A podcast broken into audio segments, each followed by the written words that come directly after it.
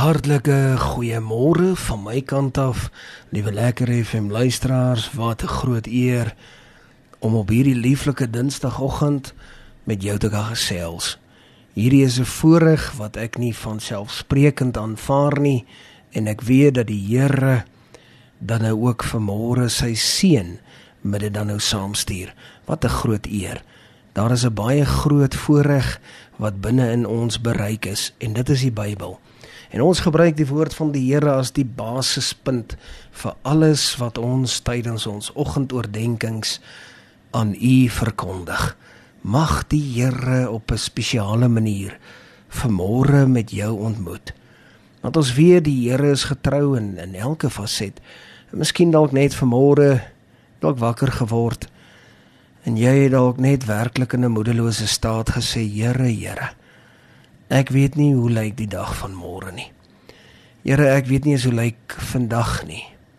As ek rondom my kyk na my omstandighede, voel dinge asof dit taamlik uitmekaar uitbreek. En Here, daar is so baie uitdagings en ek het soveel hartseer.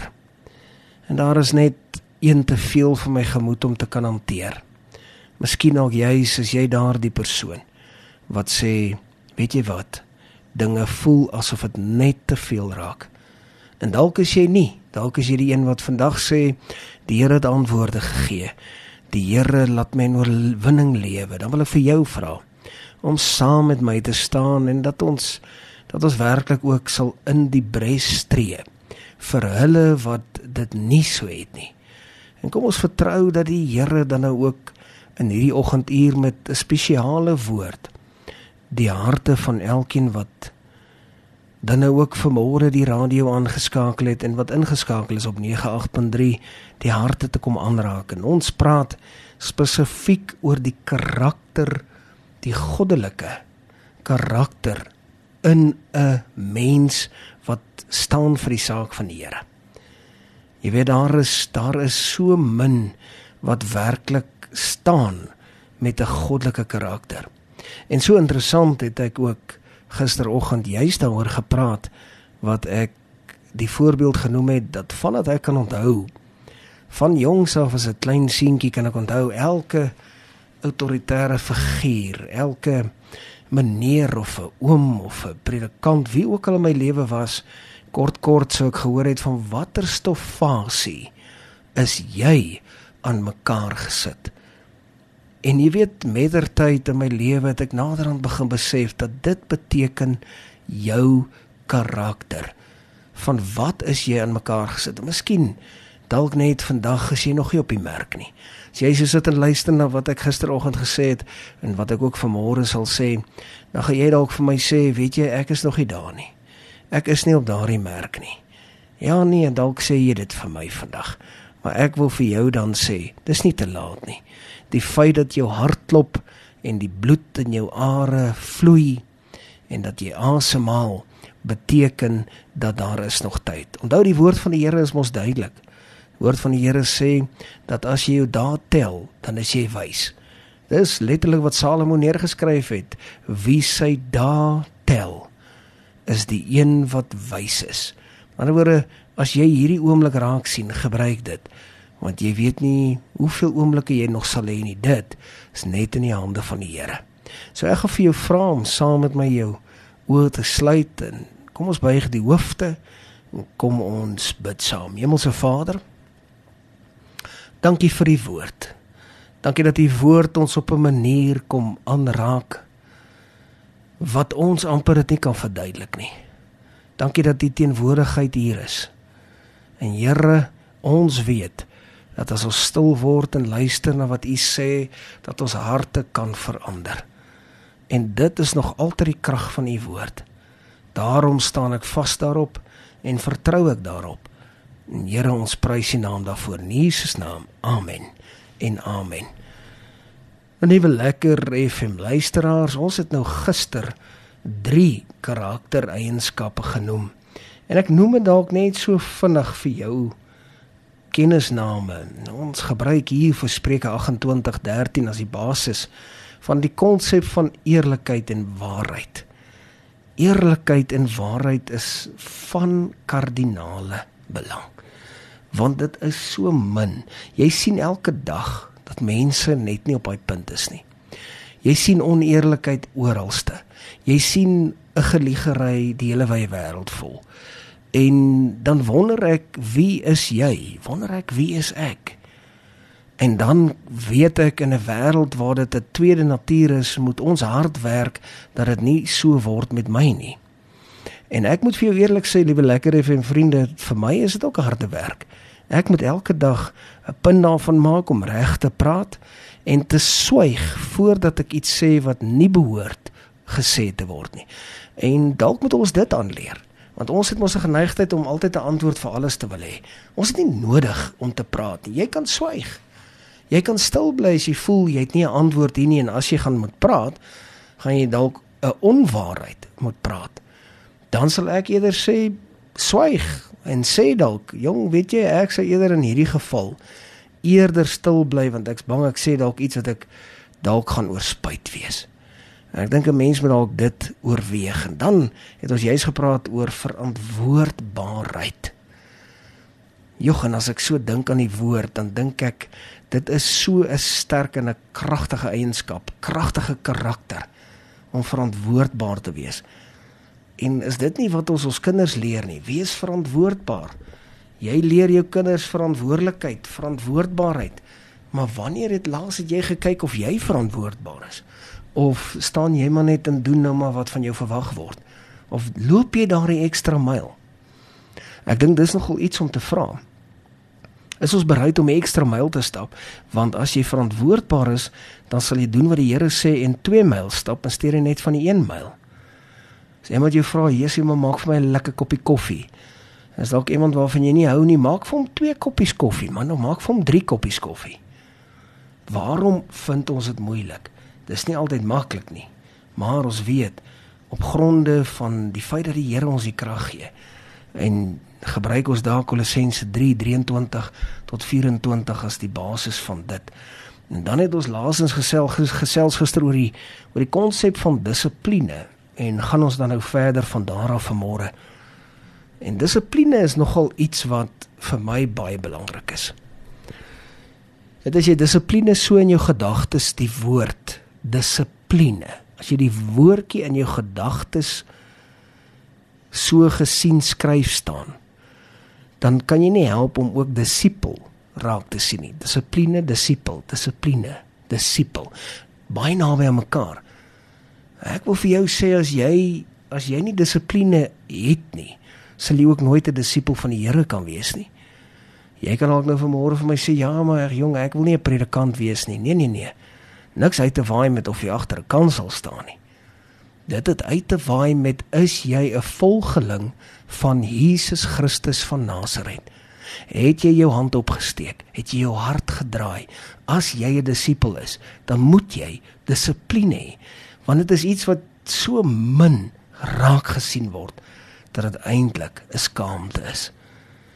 En dan wil ek graag vanmôre vir jou sê dat 'n volgende baie stewige karakterseienskap is sterkte. Gaan kyk maar 'n bietjie daar in Galasiërs 6:2. Die konsep van sterkte. Jong, as jy sterkte verstaan, dan sal jy weet dat dit baie maal van jou verwag word om sterk te wees in tye wat ander dalk nie sterk is nie.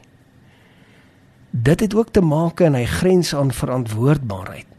Baie maal moet jy sterk staan.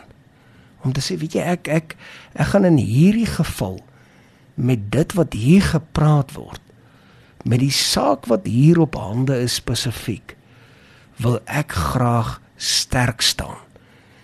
En daardie sterkte wat jy dan wys is absoluut geaffilieer met die die konsep en en ek wil dit graag in Engels sê want die woord gaan by jou resoneer en dit is confidence Jong, is jy iemand wat as jy daar staan, dan staan jy in 'n absolute sterk mandaat en jy het absolute volreg om daar te staan. Jy is die een wat as dit saak maak, dan gee jy 'n. Liewe lekker FM luisteraars, jy weet hierdie is vir my so belangrik want dit gaan oor 'n goddelike karakter. Iets wat jy nie in die wêreld sien nie. Jy weet as as iemand daar in die wêreld nogal na iemand anders kyk tot hulp, dan sal hy kyk na die een wat 'n goddelike karakter het. As jy sê ek staan in my mandaat. Ek staan in my waagmoed. Ek het die nodige wat nodig is vir die Here om my te gebruik in enige aspek. En dan die saak wat vir my vanmôre dalk seker een van die heel belangrikstes is. Waarby ek net so vir 'n oomblik wil stil staan is die konsep van respek. Ek vind dit so baie dat die konsep van respek totaal en al verlore raak. En as jy net daar gaan lees in Spreuke 12:15 dan gaan jy nou mooi verstaan dat wanneer jy respek na 'n saak toe bring en jy sterk genoeg om dalk te verskil, maar nog steeds respekvol te verskil, dan het jy iewers gekom. Dit gewoonlik is ons op 'n plek as ons verskil, doen ons dit nie met respek nie. Ons doen dit gewoonlik wanneer ons onsself mos nou gewip het. En hierdie is baie belangrik om te verstaan want hoe meer respek jy na die saak toe bring, wil ek amper sê hoe meer wys dit na Christus Jesus as jou saligmaker en Christus Jesus as jou verlosser. Respek is nogal iets wat van kleins af ook geleer moet word aan jou kinders. Dis nie iets wat jy moet los nie. Dis iets wat jy absoluut vir jou kinders moet leer om altyd die nodige respek te wys, die nodige agting te gee en om dit altyd te verwoord. 'n Mens moet altyd respek wys en verwoord sodat 'n ander mens kan hoor dat daar is respek. En dan verseël jy die hele saak nogal taamlik op 'n baie treffende manier en die Here glo ek kan werk met iemand wat sy plek ken. En dit is nogal vir my in my lewe iets gewees wat ek baie maal na gekyk het. En nog steeds. As ons iewers op 'n vergadering is, dan kyk ek na die konsep van respek. Ek kyk na wie respekteer ander. Ek kyk na die gedrag van 'n jongeling. Ek kyk na iemand wat sy plek veronderstel is om te ken.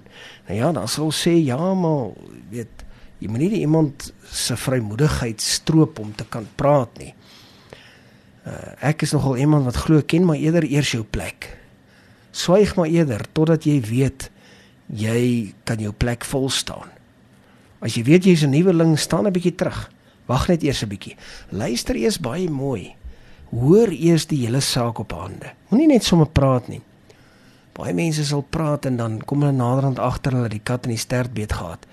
En dan is disrespek daar. En dit is dan wanneer jy agterkom jy het 'n fout gemaak. Hoekom want jy te vinnig gepraat? Dit is disrespekvol. Daar's baie verskillende aspekte van respek, maar ek glo, liewe lekker FM luisteraar, jy hoor my hartklop wat dit aanbetref. Gaan lees dit gerus daar in Spreuke 12:15 tot sover die woord van die Here. Kom ons sit net so.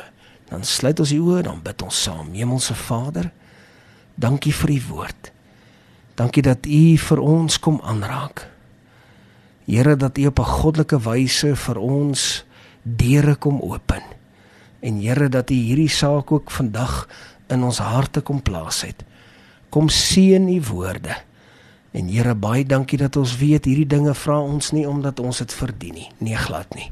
Alleen vanuit U groote genade in Jesus naam. Amen. En amen.